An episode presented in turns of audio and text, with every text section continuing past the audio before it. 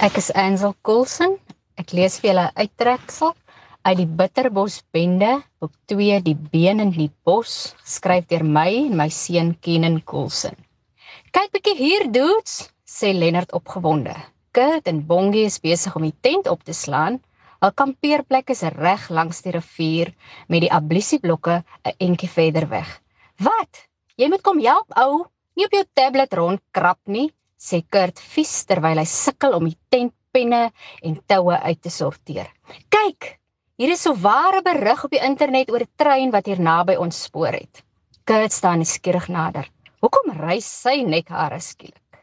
Hier is sommer 'n paar berigte sien ek. Kurt voel 'n koue rilling teen sy rug afgly terwyl Lenner deur die verskillende inskrywings op die internet blaai.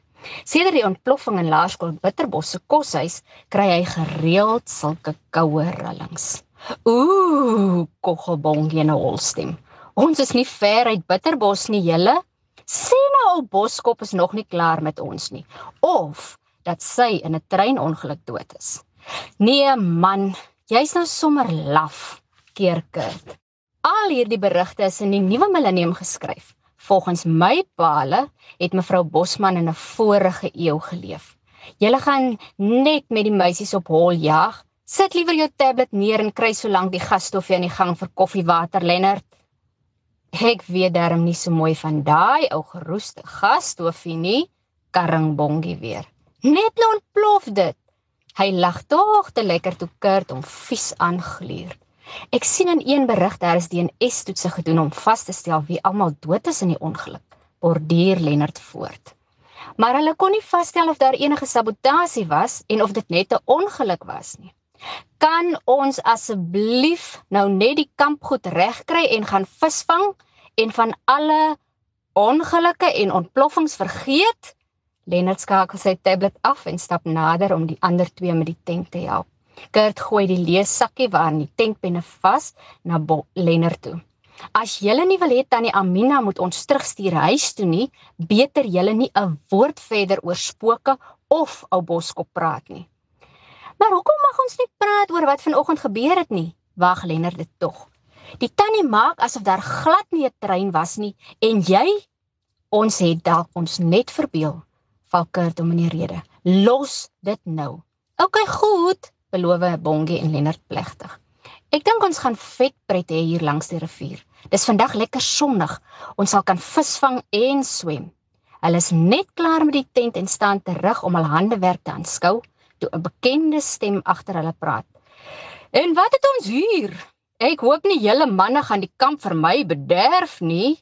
Meneer Lou Kurt sluk voor hy omdraai om te sien of hy reg geraai het. Wat 'n onaangename verrassing. Nou is die hele kamp sommer bederf dink hy. Is julle seuns op julle eie? Meneer Lou lyk koddig in 'n kort broek en plakkies. Nee meneer, die meisies is in daai tent. Kurt beduie na die klein vierman tent wat Nika, Zia en Simone deel. En Zia se ma is in die karavaan. Ek het nie geweet meneer hou van die natuurlewe nie. Mm, meneer Lou lyk asof hy diep dink. Hierdie plek was nog altyd 'n goed bewaarde geheim. Die seuns kyk onderlangs na mekaar en knik net. Die keer gaan hulle hard probeer om nie die kwaai onderwyser om te krap nie. Dit sal vir my baie sleg wees as julle my ruskansie ruïneer.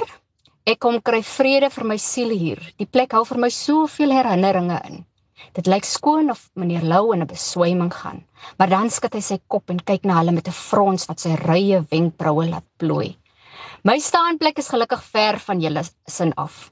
Hou dit maar rustig manne, geen gekarring en goed wat niks met julle te doen het nie, gehoor? Ons sal uit meneer se pad bly, beloof. Nou toe, gaan gooi maar julle lyne in. Die vis is nogal gewillig die tyd van die jaar. En onthou, moenie te hard musiek speel nie. Die terrein is gesog vir sy rustigheid. Ja meneer, dis reg meneer, koor die seuns en kyk hoe meneer Lou wegloop terwyl hy sy blikkie koukloop en drink. Dit is nou 'n bammer, klabongie. Wie wil so naby hom kamp? Lennard trek sy skouers op. Ons moet maar net uit sy pad uit bly, ouens, sê hy. Toe, wat sê julle doets? Sal ons sommer dadelik ons lyne gaan nat maak. Ek hoop julle geniet been in die bos, bitterbos pende.